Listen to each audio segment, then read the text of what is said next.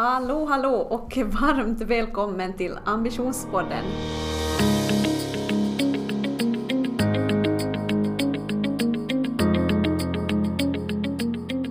Hej Sandra! Hej Julia! Hör vad roligt vi får köra igång idag igen med Ja. lite poddande. Mm. Ehm, jag tänkte avslöja direkt vad vi ska prata om. Ja, varsågod. okej? Ja, Oj, absolut. Idag ska vi prata om hinder och rädslor. Ja. Lite så här vad som kan vara motstånd i våra egna liv för att leva det här eh, livet som vi skulle vilja leva. Mm.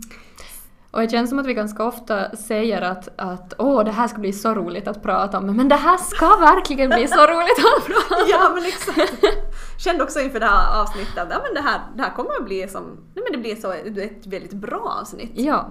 Mm. Tackar. Riktigt bra. Mm. Men innan vi nu taggar allt för hårt på det här ämnet så vill jag kolla läge.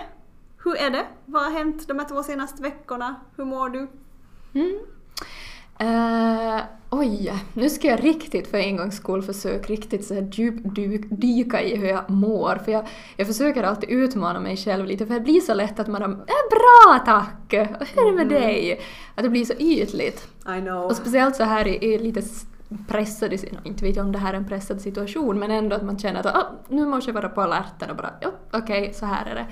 Så nu ska jag riktigt tänka efter. Alltså i och med att vi håller på att renovera nu just och är mycket med jobb, alltså inte mycket med jobb på så vis att jag har mycket jobb och kunder och sånt, utan tvärtom att man känner kanske lite den här stressen att Uh, att hur ska, hur ska de kommande månaderna se ut med jobb och sånt. Um, på grund av corona då förstås främst.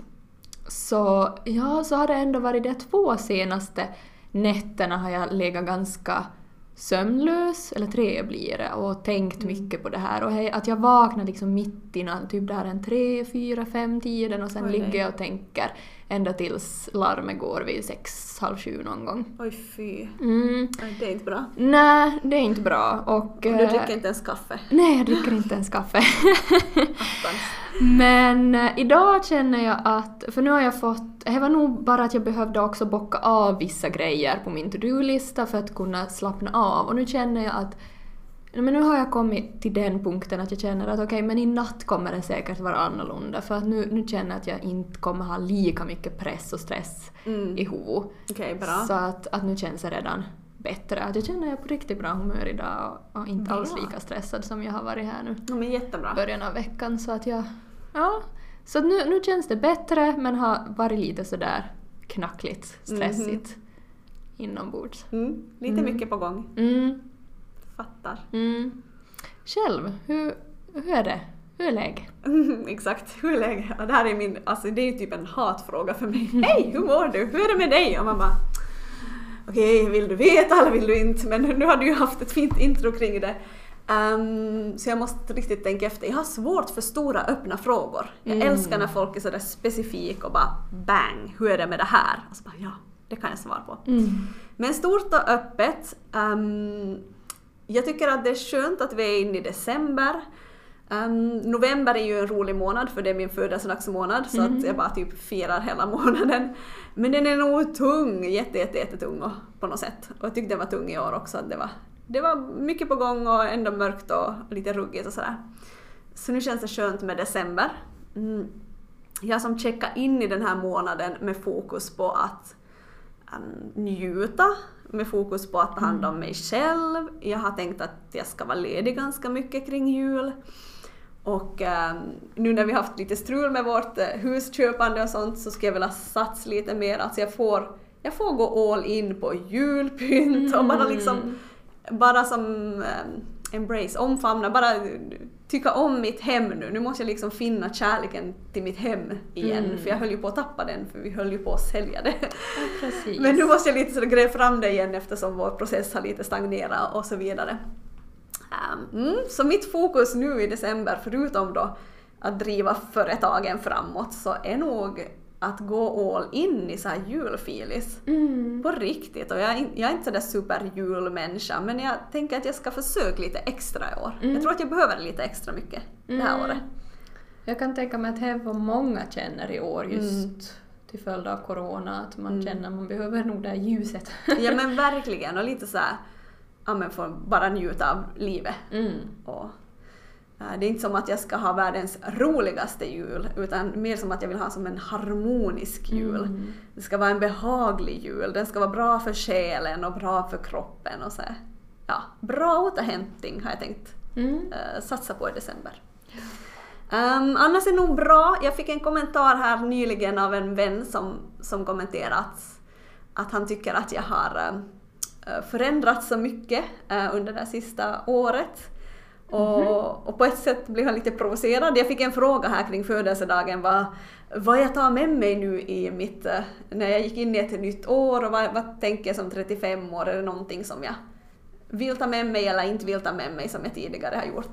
Och en sak jag testar på nu den här senaste tiden, dock inte så bra, men jag försöker testa på att gå och sova tidigare. Jag är världens sämst på det här, åh fy.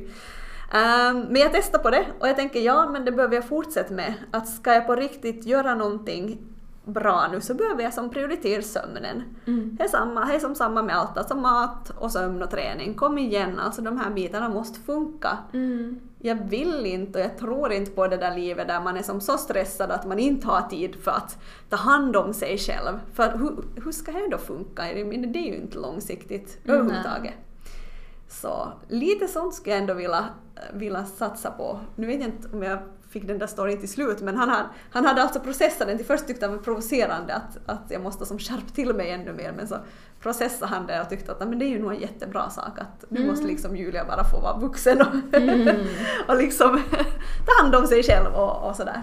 Och jag känner att fokus överlag ändå är väldigt bra. Mm. Och det ska bli skönt med nytt år.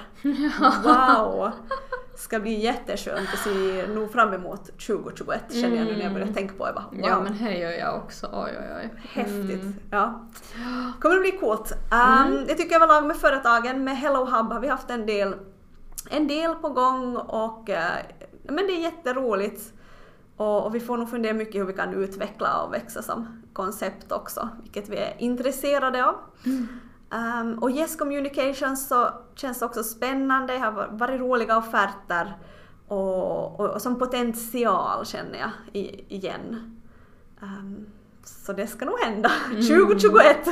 Jag vet inte hur mycket som hinner hända ännu i december men om inte i december så sen framåt. Mm.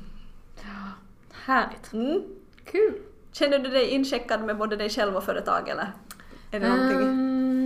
Ja, nej men alltså företagen, ja alltså faktiskt så, så känner jag att eh, med Våga så, så kan det vara till och med nu att det kommer lite nya affärsidéer på Yes. Vågas sida. Yes! Vilket är intressant, det trodde Applåder! jag inte. Ja, så att det, det ska bli intressant att bli det någonting mer av vad vi nu har börjat fundera här plötsligt. Jättebra. Jag vet inte, vi, Nej. återkommer. Ja. Eh, sen eh, med mitt egna så här går ju nog framåt. Jätteroligt alltså och hej då, alltså det är ju så hemskt men det är ju tack vare att inte våga ha gått så mycket framåt under coronan så har ju mitt egna kunnat gå framåt. Mm. Och eh, firar nu 17 000 följare på, på What? Instagram så att Helt crazy. under corona nu så har jag fått 10 000 följare så att det är ju Ja. faktiskt intressant. Nog jätteintressant. Hur det kan gå sådär snabbt mitt i allt. Ja, exakt. Ja, nej men gratulerar. Bra Tack. jobbat. Tack. Känns, känns väldigt bra att avsluta sedan året på det här viset. Ja, fy vad bra. Ja, mm, Mm. men kanske vi är redo att påbörja dagens tema. Jag tycker det. Och eh, vi har eh, funderat lite här att vad är vårt budskap med dagens avsnitt? Och eh, det vad vi vill helt enkelt ja, få fram så, så är att att helt enkelt genom att identifiera våra egna rädslor och hinder så har vi bättre möjlighet att jobba emot dem. Och eh, att helt enkelt reflektera över vad har makten i våra liv. Mm. Det var inte små saker. Nej, jag känner att oj, att va, vilken hög häst jag steg upp på det bara genom att säga dessa ord. Ja. Nej men sant. Men uh, vi kommer att mjukstarta Ja, jag känner vi behöver det här. för att klättra upp sen. Uh, vi kommer att mjukstarta med, med några frågor som vi har plockat upp från Seven Days. Uh, där det fanns en rädsla om... En rädsla om en lista. en lista. lista om rädsla. ja. Så, Sandra, vad skrämmer dig? Oj, eh, alltså jag blir... Jag skulle säga att jag överlag inte är en rädd person. Mm. Om jag sådär i stora drag. Men sen finns det absolut saker som skrämmer mig. Och eh, det absolut första som kommer till mig, speciellt om vi pratar om företagande och så vidare, så är att jag är rädd för att inte lyckas. Mm. Det roliga är ju sen dock, jag är inte rädd för att misslyckas. Mm. Och jag försöker riktigt att tänka att, att skulle det bli så att, att ehm, helt enkelt våga inte Mm. lyckas, Ja. så då, då känner jag ändå som, jag, jag är som inte rädd för den biten. Nej, precis. Att fastän våga är mitt älsklingsbarn, Ja, såklart. så känner jag ändå ingen rädsla för att misslyckas med företaget. Men Mm. däremot känner jag som person att jag måste lyckas. Mm. Men jag tror jag lämnar det lite så här öppet Mm. nu för jag tror vi kommer djup, djupdyka lika... Djupdyka lite mer här Ja. senare. Mm. Hur är det med dig? Vad skrämmer dig? Uh, men jag tror jag faktiskt har nämnt det tidigare i podden, men jag har en sån här konstig, svårdefinierad känsla av ehm, att Nej men nu, nu hänger det lite ihop med det här imposter syndrome, att eh, folk ska komma på att jag inte är den jag utger mig för att vara, men tvärtom då att jag själv ska komma fram till det. Att jag är inte så Ja. jätteintresserad av vad människor tycker och tror och tänker om mig. Um, nej, men jag är faktiskt väldigt obrydd. Jag, det är en sån där grej som inte riktigt triggar mig. Jag, tvärtom, om folk är lite irriterade på mig så tänker jag men är bra, det är nog bara för det bästa. Ja. men, eh, men att jag själv ska komma fram till att jag inte, liksom, att jag inte får det att funka. Vad än må vara, men att jag på något sätt ska märka att okej, nej men min kapacitet räcker liksom till att stå i en kassa. Jag jobbade på McDonalds för jätte, jätte, jätte, jättemånga år sedan. Att kanske jag bara ska stanna där liksom och så var det slut med den eh, ja, karriären. Mm. Ehm, så på något sätt att min egen bild inte helt överensstämmer med vem jag är. Att jag tror för Precis. mycket om mig själv. Mm. Så det är någon sån här konstig lite att oh, usch, vad obehagligt. Mm. Att mitt i allt vakna och inse att okej, nej men nu har företagen gått i konkurs och, och ingenting snurrar och allt bara liksom rinner mig ur händerna. Mm. Oj, vad obehagligt. Det Mm. var lite skrämmande. Okej, vi, vi måste svänga på det här. En rädsla som du har kommit över. Oj! ehm, alltså att stå och prata inför publik. Jag minns nog att jag var ganska rädd för det i lågstadie, högstadie. Och eh, än idag kan jag bli knallröd när jag pratar inför folk. Ehm, eller större, större, människor, stö, större, men, vad heter större grupp av Mm. människor. Alltså, hur går det med svenskan idag? Ehm, så där, där känner jag ändå någonting som jag har överkommit. Inte har det nu Mm. någonsin varit så där att jag har, som många beskriver, att de har fått panikattacker av bara att veta att de ska ställa sig framför klassen och, och Mm. prata. Att absolut inte. Men det är nog ändå någonting som jag måste, har måste jobba med, att inte Mm. känna att det är allt för stort kliv att Mm. prata inför folk. Och idag, ehm, jag är alltid jättenervös minuterna innan jag sätter igång. Alltså Mhm. extremt nervös, till den milda grad att jag tror att jag ska svimma. Mm. Men sen när jag väl sätter igång så är det alltid som att varför gör jag inte det här oftare? Det här är ju Mm. så kul! Ja, men exakt. Så att jag, jag känner jag har nog kommit en bit. Mm. Mm. Ja men eh, copy-paste på det du sa då. För jag hade ju Mm. tänkt säga samma sak. en rädsla jag överkom är absolut att tala inför folk. Mm. Och jag minns jag skulle någon gång, nå först allt, allt som hade med skola att göra och när man skulle prata inför folk tyckte jag nog var ganska jobbigt. Åtminstone i högstadiet, superjobbigt. Gymnasiet började gå lite lättare. Men sen skulle jag prata liksom på ett event uh, första året i gymnasiet, jag var så 15, 16 år kanske. Och jag, hade som, jag mådde som så dåligt innan. Jag var så nervös. Jag typ kunde inte riktigt förbereda det. Och vi bara sköt på och sköt på och tänkte nej men det löser sig. Jag kommer säkert att veta vad jag ska säga sen när jag är där. Mm. Men inte gjorde jag ju det. Jag hade ju som inte förberett någonting så jag fick Nej. ju panik. Så jag pratade ungefär liksom, jag borde ha pratat 30 minuter, jag pratade liksom max 5. Och sen bara, nu måste jag gå härifrån. riktigt, jag började liksom riktigt på det här mardrömsstadiet. Uh, men sen har jag pratat mycket inför folk och jag tycker att det är jätteroligt. Jag gillar nog också, eller jag, jag gör ju nog bättre ifrån mig om jag är lite nervös. Mm. Att då är jag ju nog mera skärpt och går Mm. mera in i situationen. Att är, det, är det lite sådär att ja, ja, men jag har gjort det här jättemånga gånger förr, då blir nog min prestation också lite sämre. Sämre. Mm. Och det är ju nog säkert riktigt sant. Ja. Mm. Men jag Så- älskar verkligen att prata inför folk. Mm. Och jag har nog varit en sån här alltså, jag har nog alltid varit en dröm att kunna göra det via företag också. Så nu när jag har fått ganska mycket så här uh, föreläsningsförfrågningar så är det jätteroligt, superroligt Mm. att, att få göra det. Roligt att få podda, det är ju ett Mm. annat eh, sätt att göra det på också. Mm. Absolut. Det är väl någonstans det där att jag älskar att prata. Ju fler desto, som lyssnar, lyssnar desto bättre. Mm. Ja, men hur, hur har, överlever man då sina rädslor? Ja, hur gör man? Alltså hur, hur gör man själv när man är rädd för någonting? Alltså här var nog egentligen det här, oj, oj nu kom jag på, jag, vi, alltså Michelle har ju en kompis till mig, och, eller vi känner ju båda Michelle, hon har ju ett jättebra som hon hade hittat någon gång att vad är det värsta som kan hända och kommer man att dö av det här? Och kan man inte, eller hamna i fängelse brukar hon nog säga, och kommer man inte hamna i fängelse eller att dö, Ja, så då, då, då är det ju bara att köra. Att Ja. vad är det då att fundera på? ja men det är ju väldigt så sant alltså. Verkligen, verkligen. Mm. Jag tror att både du och jag kanske är lite lik varandra att vi är inte som super... Eller så här att jag kan inte komma på att jag någonsin på väldigt, väldigt, väldigt länge i alla fall ska tacka nej till någonting för att jag Nej. känner att jag inte klarar av det. Mm. Eller att det skulle vara som för jobbigt eller för svårt. Nej. Utan tvärtom så då blir man ju bara taggad. Mm, ja, men jag exakt. kör. Nå, inte vet jag nog hur jag ska lösa det. Oj nej, jag kommer vara jättenervös. Mm. Men då blir jag bara mer triggad av det. Mm, faktiskt senast i morse stod jag och borstade tänderna och så, så var en grej jag stod och funderade på att, att ja, det här ska jag nu då göra.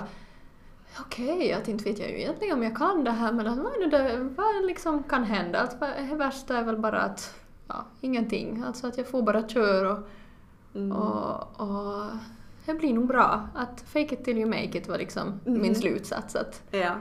Ingen vet att jag inte vet. Ja, nej, men får så bara- är det ju. Man får bara köra. Exakt så. Avslöja inte vad det är nu för då vet vi att du inte vet. Exakt, så ja, ja, nej jag kommer inte Oj. avslöja. Bra. Men det var bara så intressant tanke att jag faktiskt stod i morse när jag borstade tänderna så stod jag och tänkte för mig själv just det här. Jag menar, Mm. ja. Ja, det är spännande. Nej men jag, ja, så jag tror vi är eniga där, att man kastar sig in i det. Mm. Speciellt det man är lite rädd för som känns lite obekvämt. Att Mm. Sen om du vet att du vet att du vet att du vet att det är någonting du absolut inte vill göra, så inte tycker jag heller att alla måste utsätta sig för allting. Nej, Att absolut inte det är ju som ett självändamål att hela tiden hålla på och utmana sig själv så att man mår som dåligt. Nej, exakt. Ehm, så då kan man också bara acceptera det och säga att nej men det där är en sak som inte jag gör men jag är Mm. sjukt bra på så många andra saker och det tänker jag fokusera på. Hmm. Ehm, när man snackar om uh, rädslor, så någonting som oftast kommer fram så är rädslan för att misslyckas. Mm. Och vi funderar lite på det här, att vad är våra egna äh, rädslor då?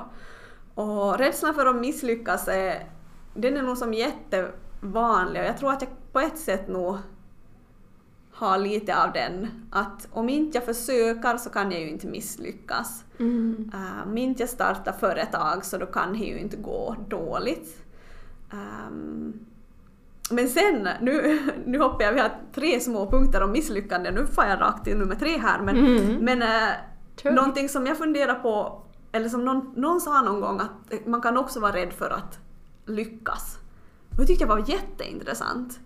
Och på något sätt kunde jag identifiera mig i det, att det finns ett sån här um, någon form av spänning är att okej, okay, men när jag lyckas så höjs ju också ribban. Att det kan bli en, ett motstånd i att nej, men om jag, förväntningarna på mig kommer naturligt att höjas. att plötsligt så ska jag leverera liksom tre steg högre än vad jag gjort tidigare bara för att jag har lyckats med en grej. Um, så jag kan se lite den här spänningen i att okej, okay, men om man lyckas så då att, ja, att på något sätt kroppen motarbetar och säger nej, du ska inte göra det här för tänk om du lyckas, hur ska du då orka leva med den press som uppstår eller klara av att leverera på samma nivå om och om och om igen. Mm. Um, så jag tror att det kan ha hållit mig tillbaka. Jag känner inte att jag är där just nu men jag kan bra tänka mig att jag har hållit mig tillbaka i tiden. Att, mm. att vad om det faktiskt lyckas? Mm. Det är nog väldigt intressant för den, den känner ju inte jag igen mig i mm. utan här nog, som jag redan var inne på, just det här rädsla för att inte lyckas som är mera min, mm. min rädsla. Mm. Och som sagt inte så mycket det här för att misslyckas, att det i sig är liksom inte rädslan på sätt och vis. Alltså klart det är ju som, det, det går ju hand i hand förstås, misslyckas ja. och att lyckas men, men ändå inte på något sätt den här att, att misslyckas är ju som begränsad till någonting. Okej, okay, mm. jag kan inte starta ett företag för vad om jag misslyckas. Då, då knyter man an det till företaget. Mm. Medan du tänker att du kan liksom, det gör ingenting så länge du lyckas någon gång senare. Mm, exakt. Att ett misslyckande betyder inte att du är misslyckad. Nej. Men då kan man resa sig upp och testa på nytt. Mm. Det är ju jätte, jätteviktigt. Mm. Ja, och sen är ju också det här med att lyckas på sätt och vis är ju en, en vad ska man säga, genomgående känsla som man har hela tiden. Det är ju kanske mm. inte någonting som jag kommer att nå till nästa år mm. på sätt och vis utan jag känner ju mig redan nu lyckad där var jag står idag. Mm. Och jag är kanske mera rädd för att förlora den känslan av att vara lyckad. Mm. Och sen då, alltså att vara lyckad är ju förstås, det är ju jätteindividuellt vad man anser att är att vara lyckad. För det beror ju så på att om någon jämför mig utifrån med någon annan, alltså om man säger då att mitt mål är att nå det här och då jämför man någon annan som redan har nått mm. det här mhm. målet med mig, ja. då är jag ju inte lyckad i deras ögon mm. gentemot den här personen. Men för mig, för att jag vet att jag redan har gjort vad som krävs för att jag ska ta mig dit var jag är idag, mm. så känner jag ju mig lyckad. Mm. Så det är kanske den här känslan som jag är rädd för att förlora. Mm, precis. Mm. Mm. Men man är ju som hela tiden på väg någonstans och hela tiden i någon form av tillväxt. Mm. Och, så det är ju också positivt att man, man rör sig framåt men det betyder att ens egen definition av vad som är att vara lyckad förändras ju också. Ja, exakt. Um, sen tycker jag ju personligen att det är jätteviktigt att ens egen värde, självvärde, självkänsla inte ligger i, mm. i det här paketet utan att fast man fast det värsta det värsta skulle hända om man, man tappar liksom både förmåga att, att röra sig och kanske kommunicera och allting, att man fortfarande skulle ha samma värde. Mm. Att det ligger inte på om jag tjänar en enda euro mer till i mitt liv eller om jag uppnår liksom det ena eller femte utan att jag som människa är, är mitt grundvärde. Mm. Uh, men sen att faktiskt känna att man har uppnått det man vill så det är ju en, en annan sak. Mm. Um, det var någonting jag tänkte på med den här rädslan att inte lyckas. Hmm. Mm. Um, men det kanske kommer senare. Vi ska ja. se om det dyker upp. Mm. Men det är ett intressant uh, paket det här med att både kämpa med att misslyckas då, att inte, mm. inte lyckas. Ja, verkligen. Mm, jag har läst en bok som heter Skapa ditt drömliv hur självsabotörer blir självhjälpare. Eh, den här läste jag faktiskt för några år sedan och eh, jag tror jag var inne i den här fasen att vad är mitt drömliv, hur vill jag leva? Ehm, jag var väldigt sökande just då, hittade den här på biblioteket och eh, lånade hem den.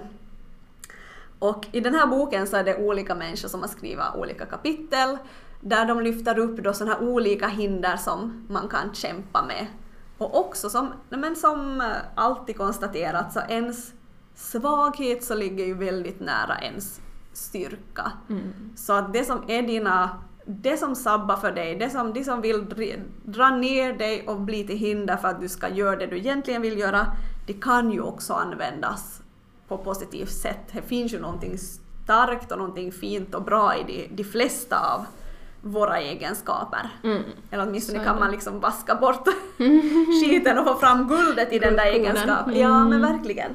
Absolut. Men vi har tänkt dela några av de här, det var väldigt många, men vi har, vi har bakat ihop dem lite. Vad är det för självsabotörer som finns? Och lite sådär, vad har vi för eh, relation till de här sabotörerna? Mm. Så Sandra, du får köra igång. Mm, tack. Vi har alltså nio stycken som vi har valt att plocka upp, eller några är då ihopsatta av flera stycken för som sagt den här listan var lång. Så vi har valt ut kanske det som vi förstod bäst egentligen av, av den här listan. Som kändes mest relevant Ja, exakt, som tilltalar oss. Mm. Mm. Och den här första då, nummer ett, så är perfektionisten och prestationssabotören. Och eh, det här innebär ju alltså att man, man är så fokuserad, om vi tar perfektionisten, man är så väldigt fokuserad på att allting måste vara helt 100% perfekt Mm. innan man kör igång. Exakt. Om vi säger att man ska starta företag så vill man att varje liten detalj ska vara helt perfekt innan man kör igång. Mm. Problemet är dock bara att har man det tänket så är det lätt hänt att det här perfekta aldrig kommer. Att man, Exakt. man känner alltid att man kan göra lite bättre och det händer alltså att eller det händer alltså ingenting, alltså att man, man får inte ut den här produkten om Mm. Nej, det är till exakt. exempel en produkt man vill sälja. Får jag kommentera? Nu kommer Ja. jag på det här med rädslan för att inte lyckas. Det Ja. handlar just om, om det här att det känns som att man får en chans. Mm. Att allting handlar om en chans. Mm. Ehm, jag har ju velat podda längre, länge och jag har tänkt på att det skulle vara kul att podda. Men vad ska jag podda om och med vem och hur ska jag göra? Att ska jag podda måste vara jättebra för att jag kan ju inte som först starta en podd och sen starta en annan och så en tredje och sen fjärde blir bra liksom. Mm. Eh, så det tror jag kan bli ett hinder också att man, man tänker just att men, det ska vara så hög nivå. Mm. Och det är ju lite som den här perfektionisten eller att man är som så prestationsinriktad. Ja, verkligen. Ja, och... eh, ja, nej. bra, bra, bra poäng. Ja. Ska jag köra vidare? Gör det. Mm. Nå, nummer två då. Ehm, jag tänker i ettan så kanske varken Sandra eller jag känner igen oss helt. Nej, absolut inte. Jag, jag, det här... då lite lite men inte. Ja, alltså jag absolut, nu vill man ju till viss del att det ska vara perfekt, men jag tror absolut, ska jag jämföra dig och mig så är du mera perfektionist än vad jag är. Tror det tror jag. Ja, jag tror sant? faktiskt mm. Nu när det kommer till jobb och sånt, jag tror ändå att jag är lite, eller för jag, lite, jag är väldigt mycket det här, ja nu tar vi det här och sen kör vi och sen hinner jag knappt tänka innan jag kör. Ja. Att väldigt så att jag är nog den som kör igång redan vid 30 procent. Mhm. Bara Ja, för sant. att jag känner att ja, ja, det blir nog bra. Vi Ja. kör igång nu bara. Och Ja, jag ja. känner att du är nog, du vill nog ha snarare 70 procent eller Mm. 80 eller 90 procent Nej, det du... här är ju jättesvaghet. Usch vad hemskt det här va. Vi måste ha terapisamtal om det här efter, efter podden. Nej men det är sant, jag har nog, ja, jag tror det kommer in faktiskt ett sånt som går lite hand i hand med det. Äh, vi struntar i den där, usch. Nummer två känner jag då igen mig. Och eh, nummer två så handlar om eh, splittraren eller upptagenhetssabotören. Här kan jag känna igen mig att jag har alltid jättemycket saker på gång. Eh, och jag blir som splittrad i mitt fokus. Jag har, det känns som att det är mycket som ska göras eh, på hemmafronten. Jag har många relationer jag vill upprätthålla, ta kontakt, eh, planera saker så att jag hinner prioritera det. Eh, jag, jag vill träna, jag vill ha en hobby, jag vill göra så mycket saker och samma med mitt företag. Jag vill göra jättemycket saker med Yes Communications. Hjälp! så ibland blir jag lite splittrad och eh, ibland kan jag uppleva mig själv som ganska upptagen och jag känner också att, att jag är som stämplad som en sån här upptagen person. Mm. Vilket jag i och för sig inte har någonting emot för att när jag har mycket inprickat i min kalender så sker det ju också mycket. Ju mindre jag har på något sätt, ju mindre eh, kunduppdrag jag har eller ju mindre liksom det är fullspäckat i kalendern så desto mindre känns det som att jag får gjort. Mm. Även om jag, när jag har mycket på gång så känner jag att jag bara åh, drömmer om att ha en lugnare vecka och då ska jag liksom utveckla företaget, jag ska äntligen göra de där sponsorerade annonseringsinläggen jag har tänkt göra och jag, och jag ska bygga vidare på hemsidan och så. ja, så är inte alltid sagt att det är just när jag är det som lugnast som jag får det gjort. Utan det kan vara att jag får inprickat mellan kund 1 och kund 2 och så har jag en 15 minuter jag bara nu kör jag. Mm. Eh, men jag splittrad och lite upptagen känner jag mig. Mm. Ja. Vad känner du?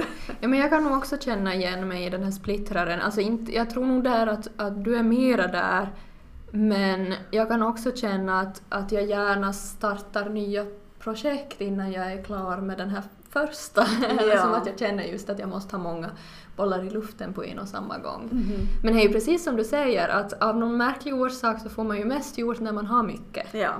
Och eh, mm, så det är alltid lite det här utmaningen att, och det kan ju handla bara om att man har en dag så har man lugnare. Och då konstigt nog är det de dagarna man får inget gjort. ja, men verkligen. Så Så att hur man ska som kom till det här att lära sig att ta vara på de här dagarna. Mm. Men, men i och för sig där har jag ändå ett, ett eh, tips och det är ju att skriva en lång to-do-lista fast det då bara kanske står tvätta kläder på Mm. en punkt och eh, vattna blommorna på den andra. Bara att det ser ut som att du har så otroligt mycket den dagen. Mm. För då lurar du hjärnan till att tro att oj, men jag har ju hur mycket som helst och då, då sätt, pressar man på och sen inser man när klockan är fyra, ja, ja, nej men bra, nu har jag fått gjort allt jag skulle ha gjort och egentligen kanske det handlar om att jag ska få två saker gjorda men Mm, jättebra. Bra tips, det måste jag Mm. testa. mm, Helt klart.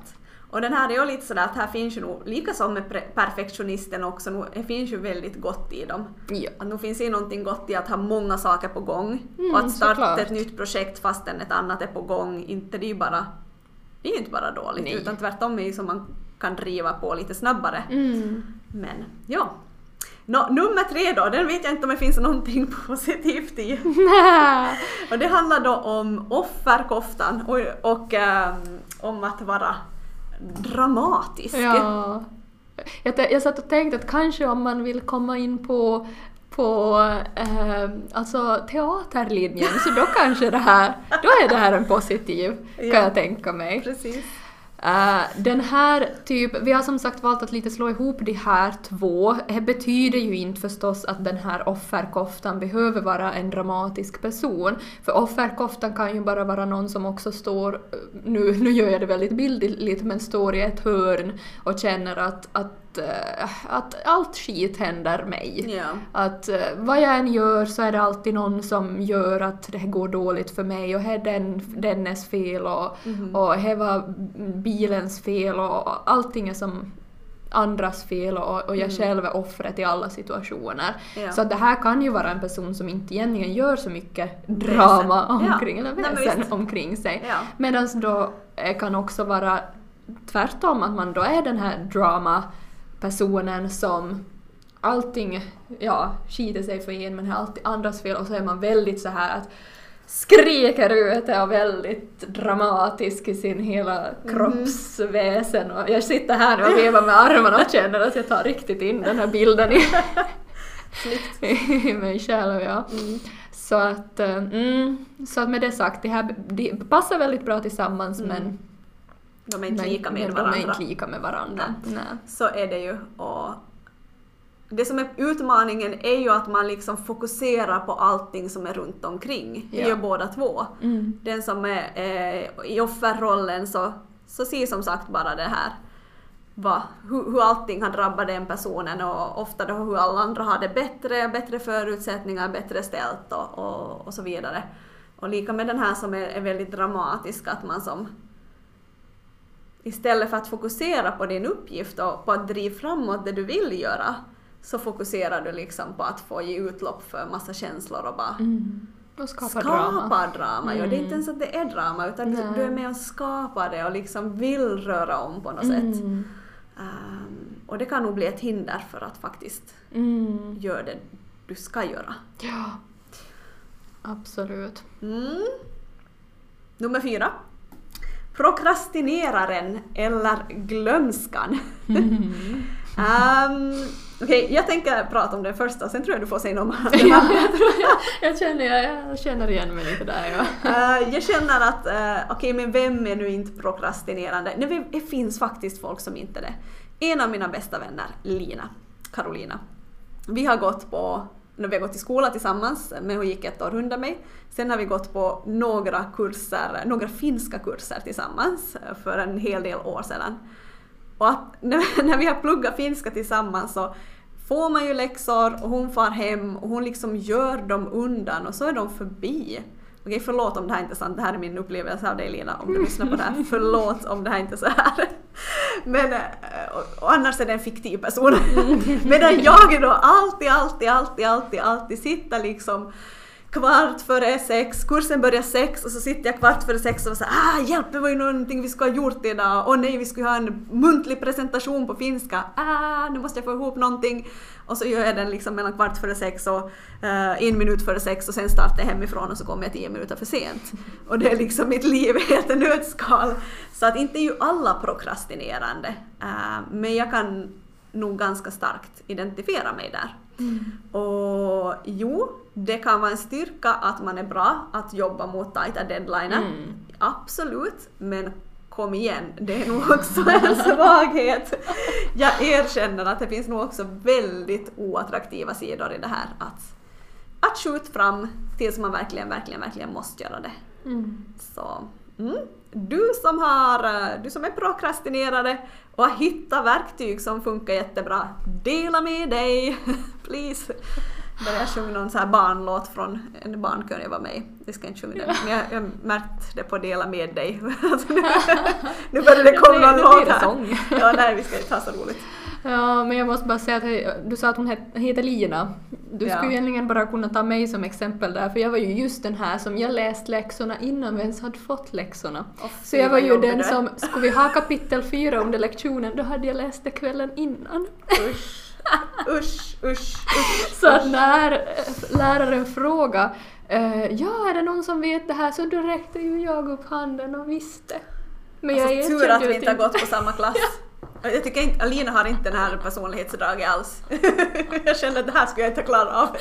ja, men där ser man ju då igen, för det här nummer ett kan man lite gå tillbaks till att äh, prestationssabotören, alltså jag, jag är ju nog väldigt prestations inriktad och det kommer ju fram där att he, jag mm. läste på förhand ja, men, till och med. För wow. Att, Så ja. hur, men hur är du idag då? Du är inte prokrastinerande, eller? Nej, väldigt lite. Alltså absolut har jag dagar då när det kan slå till att man bara som nej men åh, jag orkar inte att nu, nu, ja. Men överlag är jag nog väldigt Alltså jag är, eftersom jag är så ganska jag är starkt röd person så att det är väldigt mycket det här nu kör jag, nu gör jag, vad, för, vad är det för någonting att vänta mm. på? Och jag är ju den som får jag en faktura så betalar jag den direkt och punkt mm. slut. Att det är som, jag blir ju tokig på Jonas som inte bet, alltså betalar direkt till exempel mm. och sen ser jag en vecka senare att det fortfarande ligger på bordet den här fakturan så är jag sådär Va? Ja.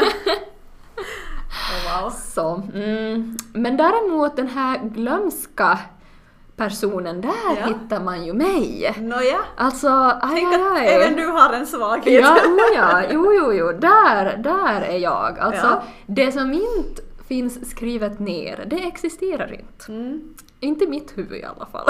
Nej. Så att om alltså, man har pratat om en sak så då glömmer du det på riktigt? Jag glömmer nog på riktigt. Mm. Mm, det här är intressant. För jag har alltid tänkt att människor fejkar. Uh, folk som säger att de glömmer saker, så jag tänkt att nej men det här är inte mm. sant. Alltså då, det är ju någonting man bara säger. Mm. För att fast jag har liksom, jag kan ha några meddelanden obesvarade. Mm. Och så kan jag som typ glömma det, men jag kommer ju alltid på det på nytt igen. I något skede så bara stannar det upp och så bara pling säger det till mm. hjärnan. Va just jag skulle svara på det där. Nu kanske jag kör bil just då så sen glömmer jag bort det när jag kommer hem och så svarar inte jag. Men, mm. men så kan jag komma och tänka på det x antal gånger under en vecka. Mm. Så det är inte som att jag helt ska ha glömt att det existerar. Men ibland tycker jag att folk är som bara sådär att nej men oj, no, jag glömde helt bort att svara och jag bara mm. nej det där tror inte jag på. Jag tror inte att man helt kan glömma bort saker. Kan man det?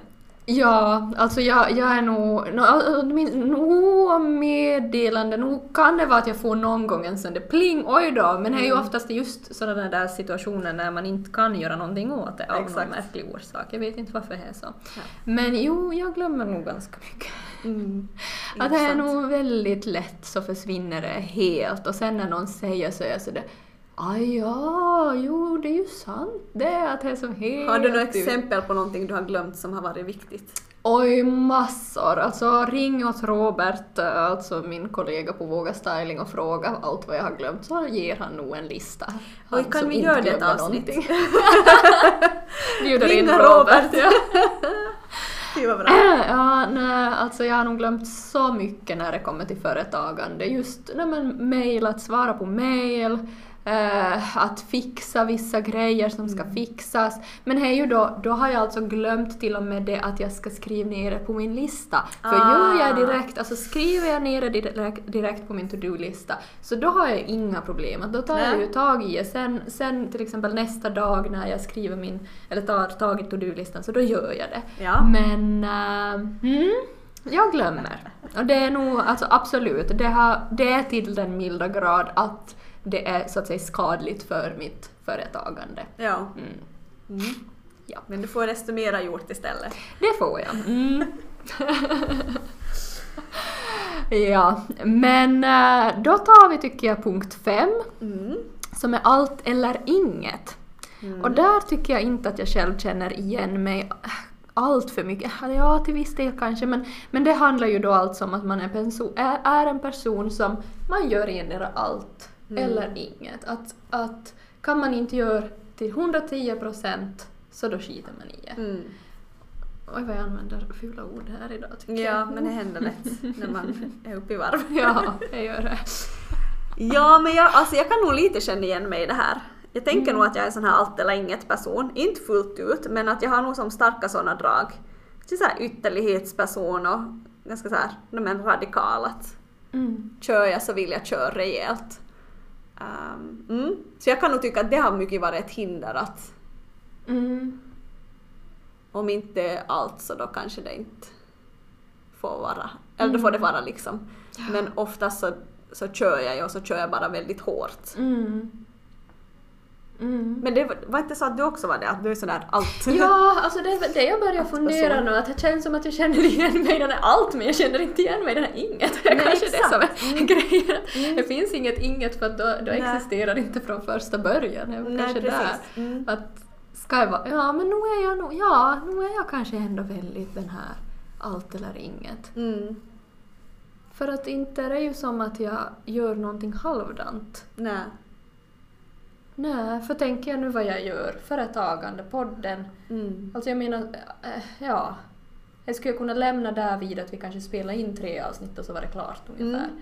Det var Men ju det- vårt test. Vi skulle Ja, testa tre exakt. avsnitt. Eh, Mm. Men det är ju klart att det blev allt. Ja, Det är exakt. liksom en självklarhet Ja, ja, sen. ja. Så att, ja. Mm, nej, så kanske nog ändå känner igen mig mer än vad jag vill tro. Mm. Mm. Och jag är också envis och jag tror att du också är. Mm. Uh, så när man väl har börjat med något så är man inte som jättesnabb. Men du kanske är snabbare att lägga ner saker. För jag är inte så duktig på att sluta med saker. Oj, man måste komma på några exempel. För första jag kommer att tänka på är ju hela min sociala medier-karriär som började typ 2008, alltså 12 år Mm. sedan. Och jag menar, det är första senaste året som jag kan ge, som tycka att det faktiskt har hänt någonting. Så att om man Mm. tänker där så har jag ju verkligen inte gett upp och Mm. eh, avslutat. Fast det som säkert skulle ha varit många, många, många som skulle ha avslutat för länge, länge, länge, länge sedan. Ja men exakt. Ehm, Sant. Mm, men jag, ja, jag skulle behöva komma på något exempel då Du kan tänka fall. på alla idéer ni har kastat ut med Våga. Ja, Och så märker ni att nej, Ja, men det här men kanske inte precis. funkar och så bara, ja men där, skippa det och så går vi vidare. ja, där är nog sant. Där är jag nog ganska snabb med att nej, funkar inte. Mm. Bort. Mm. Mm. Men med det sagt så är ju, jag menar Våga, det är inte som att ni har lagt ner Våga utan Nej. Våga Styling fortsätter ju. Det är som, mm. Ja, så Mm. är det som, ja. Mm.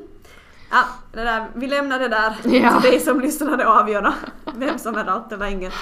Uh, nummer sex så handlar om analytikern eh, och, och eller skeptikern.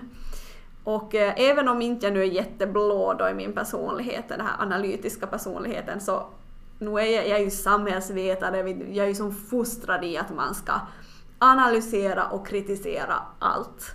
Så det gör jag nog. Så jag kan nog känna igen mig i det här på ett sätt. Att jag, Alltså jag ifrågasätter verkligen allt. Uh, inte alltid populärt i en relation kan jag säga. Uh, kan vara lite störande för ens vänner, också för de man samarbetar med eller liksom businesspartner. Allt. Att Säger du någonting, ger du ett förslag, så har jag en rynka i pannan och så ser jag lite orolig ut och så måste jag som processa den en stund och bara mm, och så kommer liksom ungefär 25 argument till varför jag tycker det här är en dålig idé eller saker jag skulle vilja ifrågasätta med det. Mm.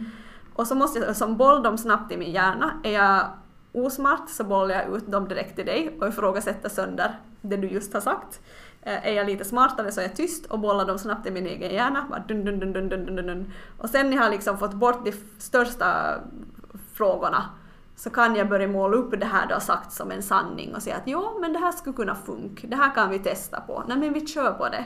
Men jag måste processa det mot allt som kommer upp i min hjärna. Mm. Um, så jag är nog väldigt sådär, ja, uh, ifrågasättande av mig. Mm. Och det, det blir ju ett hinder, för då ska man analysera allting, kolla upp varje affärsidé, varje, varje tanke, uh, ska liksom funderas igenom att hmm, ja men vad de, vad de, och det här och det här och det här. Ja. Så att det här måste jag motverka aktivt själv hela tiden för att det inte ska som bromsa ner mig. Mm. Mm. Mm. Och jag, jag håller med. Alltså jag har redan, så länge du har berättat nu så har jag kommit på typ tre exempel på när den här sidan av dig kommit fram i, liksom, till mig. Så att jo, jag mm, håller helt med om att ja. du, är verkligen... du är nog den du säger här nu. Ja. Och jag försöker komma på att är jag ens, ens lite av det här heller? Alltså det känns som att jag är väldigt mycket går på magkänsla. Mm. Så är nu min spontana tanke, men det kan ju vara när man analyserar en, när man analyserar en själv djupare så kommer man fram till någonting annat. Men, mm. men här är min spontana tanke i alla fall, att jag är nog väldigt ja, magkänslefokuserad i jämförelse med mm. det här. Ja. ja, men det tror jag. Mm. Eftersom du, du kör ju. Ja, exakt. Fundera så mycket utan du testar då istället och så kör du. Mm. Ja. Mycket intressant. Ja. Mm. Så har vi nummer sju som är Jante och att jämföra sig med andra. Mm. Och här talar vi ju lite om här tidigare faktiskt också. Mm.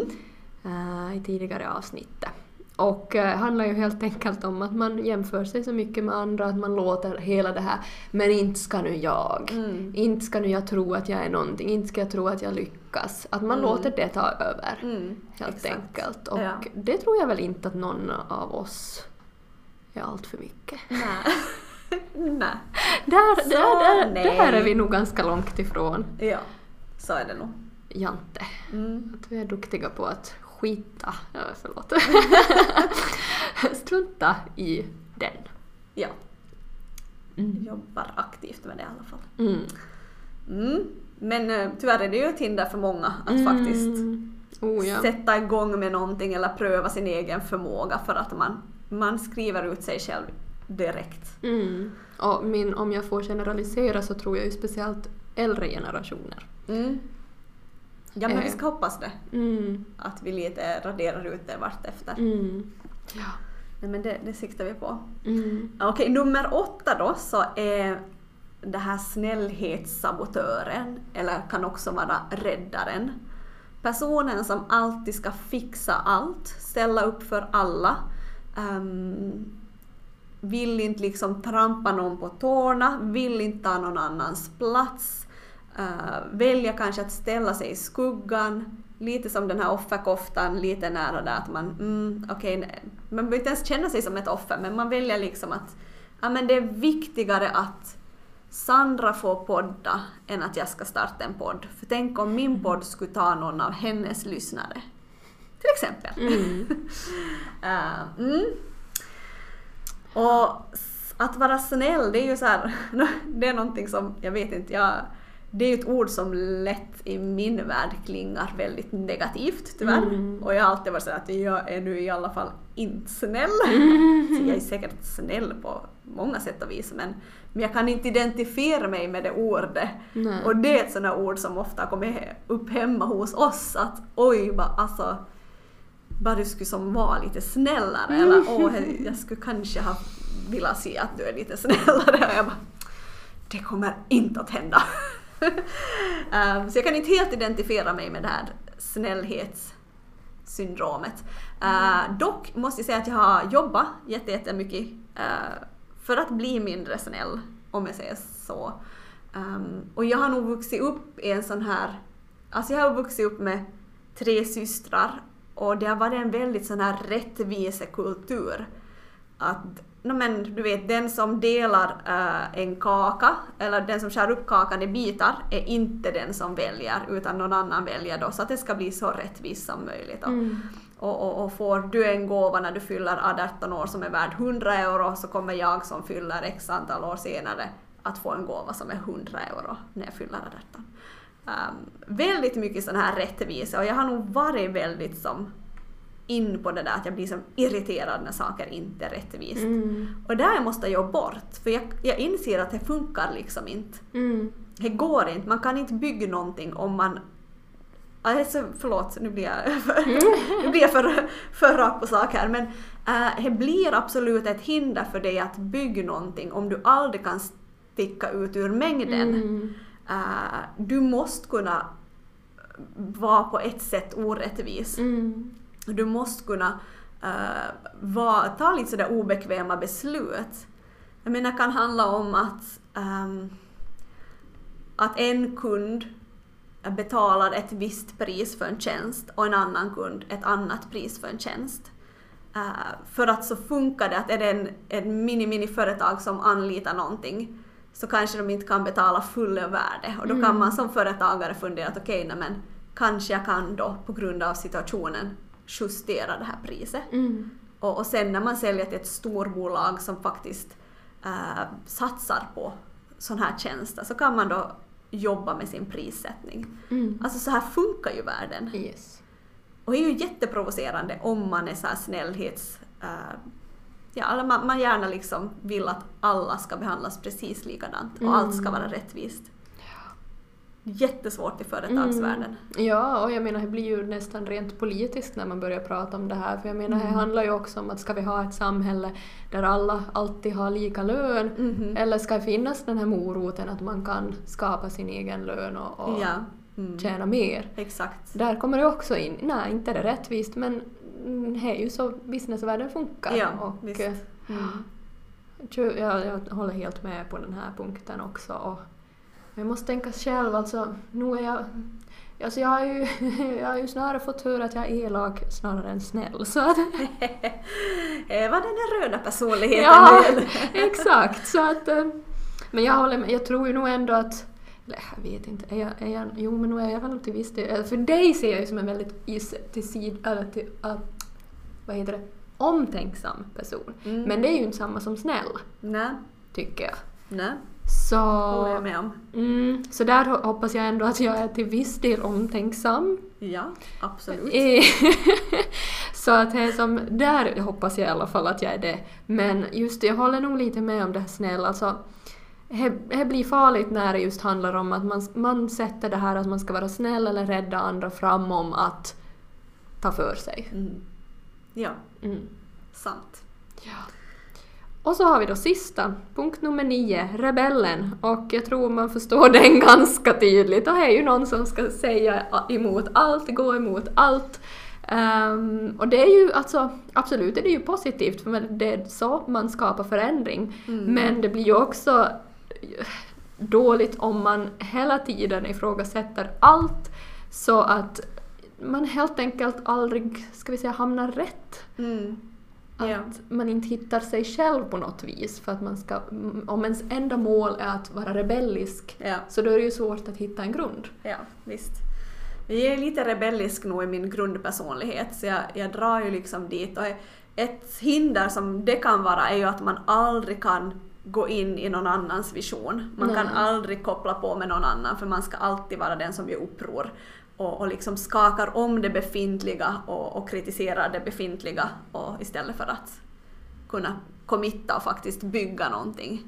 Så en, som sagt, en rebell har ju mycket bra sidor och, mm. och den som pushar förändring men är också svår liksom att få med och bygga då Att det är ju jätteviktigt att om du har en nej men har du åsikt om saker ska du också kunna committa till att vara med och Mm. förbättra det. Istället för att bara liksom kritisera och ifrågasätta. Mm. Så. Mm. Lite rebelliskhet är bra men för Mm. mycket kan det bli ett bekymmer. Mm. Mm.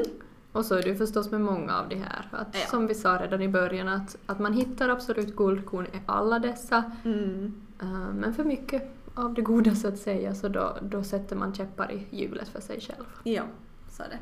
Mm. Så är det. Nå, om man skulle vilja svänga på det här och bara kasta ut, vi, vi tänkte kasta ut några så här verktyg för hur man kan som hantera det här för att det, nu liksom skämtar vi på vår egen bekostnad eller på andras bekostnad och sånt men, men saker kan ju faktiskt bli problem i ens liv. Mm. Att hur går man då, hur går man då vidare och, och hur liksom låter man sig inte då bli ett offer i den här rollen som man är i. Ehm, så det här är en, en så här, vad ska jag säga, semi, semivetenskaplig eller så här verktyg som vi har hittat när vi har läst på lite om det här. Och eh, det första så handlar om att du eh, normaliserar någonting istället för att personifiera. Att det handlar inte om att du som ehm, person, att du är som, dels handlar det inte om att du är den enda som skulle vara på ett visst sätt, att det är bara du som har den här svagheten, det är bara du som har den här rädslan, bara du som funkar så här. Det är ju liksom världens största lögn. Klart att inte, klart att det är jätte, jätte, jättemånga andra som funkar precis som du funkar. Um, eller väldigt nära. Och att på något sätt kunna liksom, gör inte för stor grej, det är inte att du är ett offer. Utan du kan ibland uppleva sådana känslor. Det är inte att jag är en rebell och precis allt vad jag ska göra, vad jag gör är liksom som rebell. Utan en, del av mig är liksom att jag är lite rebellisk i min personlighet men det, det identifierar ju inte hela mig liksom. Nej. Så på något sätt avdramatisera, normal, normalisera att okej men så här är jag. Mm. Skönt, Och då vet vi det. acceptera framför Ja. Mm. absolut. Absolut. Mm, och nummer två så handlar det om att bemöta det istället för att undvika. För att bara undvika det som du upplever att blir dina svagheter hjälper ju inte heller. Utan någonstans så bör man som kunna se då verkligheten för vad den kan vara bra att snacka som vi gör nu. Mina, Sandra påpekar ju x antal av de här av de här självsabotörerna så påpekar hon ju väldigt rakt att ja men Julia det där är ju du. och det är väldigt fine. Alltså sitta och snacka med någon om det här så skrattar ni tillsammans för att man känner igen Mm. både sig själv och andra. Och vi har ju alla en rejäl dos av, av de här Mm. Som vi lever med. Så att våga bemöta istället Mm. för att bara undvika och inte liksom vilja låtsas om att du är sådär. Exakt. Mm, Nummer tre. ja. Förlåta istället för att anklaga. Att helt enkelt, ja, men acceptera och förlåta istället för att anklaga. Mm. Jag vet inte, jag tycker jag säger så bra den här meningen. Mm. Ja, men alltså det hjälper ju inte att du hackar ihjäl dig själv för att du är på ett sätt. Och det här går ju också att tillämpa som på eh, andra människor, men om man nu snackar om att du ska utvecklas som person så hjälper det ju att du liksom bara är arg och besviken eller liksom utan bara kunna förlåta dig om du har gjort misstag, om vissa av dina sidor har kommit fram lite väl, väl tydligt i olika sammanhang så det är jätteviktigt. Mm. Ja, exakt. Och att reflektera istället för att kritisera, den tycker jag nog är jätteviktig. Verkligen. Att man inte går till det här att kritisera direkt Mm. och, och utan att istället som, ja men bokstavligen sätta sig ner då och Mm. reflektera över varför beter man sig som man gör och Mhm. varför beter sig andra som de gör och, Mm. och helt enkelt reflektera, Ja. analysera. Mm. Och det femte är då att släppa. Släppa taget om saker som har varit istället för att älta det och lämna kvar i det. Vå- Våga släppa istället för att vara liksom för hård på dig själv och fördömande så. Så får man släppa och inse att men så här är livet och vi gör alla bort oss eller vi har alla våra svagheter och Mm. hinder och rädslor och nu har jag kunnat reflektera över det här och nästa gång kan jag förhoppningsvis hantera det lite bättre. Mm. Att liksom inte ta sig själv så jätte, jätteseriöst. No, utan exakt. Det är lugnt. Ja, exakt. Lite som vårt, vår diskussion här idag. Och skratta lite Ja, åt, åt exakt. det här. Att vi vet att det är så här men att man Ja. måste inte ta allting så grav allvarligt. Nej men just så är det. Just så är det. Eh, ett sista supersnabbt verktyg. Mm. Det här är alltså eh, Johannes Hansen. Hansen kanske? Hansen. Mm. Ja. Så var det. Eh, Så han har ju skrivit bland annat Fuck Your Fears-boken, Ut med alla dina rädslor och bli en vinnare. Ehm, Jag har läst hans, eh, eller boken som kom efter det tror jag, Tough Love. ehm, har jag läst och jag tyckt, eller jag har lyssnat på den och jag tyckte att den var jättebra. Ehm, vi, det var ett stort gäng, eh, vi lyssnade på den via Friday Lab så det var en, ganska många som hade lyssnat och en hel del blev provocerade av hans gå-påiga stil. Ehm, jag hade honom på ganska så snabb speed när han pratade så jag uppfattade inte liksom att han var jättejobbig utan jag bara, jag bara lyssnade och så skrev jag upp saker för jag tyckte att den var bra det jag lyssnade av det. Eh, han har en sån här lista. Han har en lista på den har kanske tio olika saker som man kan vara rädd för. Och det här kan du ta med. Du kan skriva ner de här orden och betygsätta dig själv. Från 1 till 5. Hur mycket är den här rädslan någonting du bär på? För att du kan också då analysera och se, reflektera lite över var du är och hur du kan gå vidare därifrån. Så, de här rädslorna är rädsla för att bli avvisad, äh, rädsla för att misslyckas, rädsla för att gå vidare, rädsla för att få kritik, äh, rädsla för att bli utfryst, rädsla för ensamhet, rädsla för att vara otillräcklig, rädsla för att ta plats, rädsla för att förlora det du byggt upp och rädsla för att lyckas. Så han hade också med just den. Mycket intressant. Men äh, spola tillbaka, skriv upp de här orden och betygsätt dig själv om du vill lite, lite spegla och ta ett, ett verktyg med dig också. Är det någon direkt Sandra som du vet att det här är absolut du och någon som du vet att det här är absolut inte du? Uh, no, absolut inte mig så är ju rädsla för ensamhet. Att jag är ju inte rädd för att vara ensam. Mm.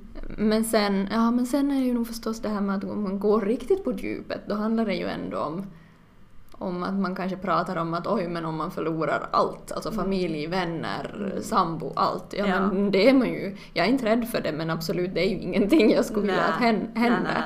Men sen om man bara pratar i stora, stö, större, ah, som bara så här att lite mer löst att om det handlar om att jag ska vara ensam en helg Mm. och alla andra kompisar är någonstans och, och festar så det är jag ju inte rädd för utan Nej, där- där är jag exakt. som Ja, absolut tillräckligt stark på egen hand.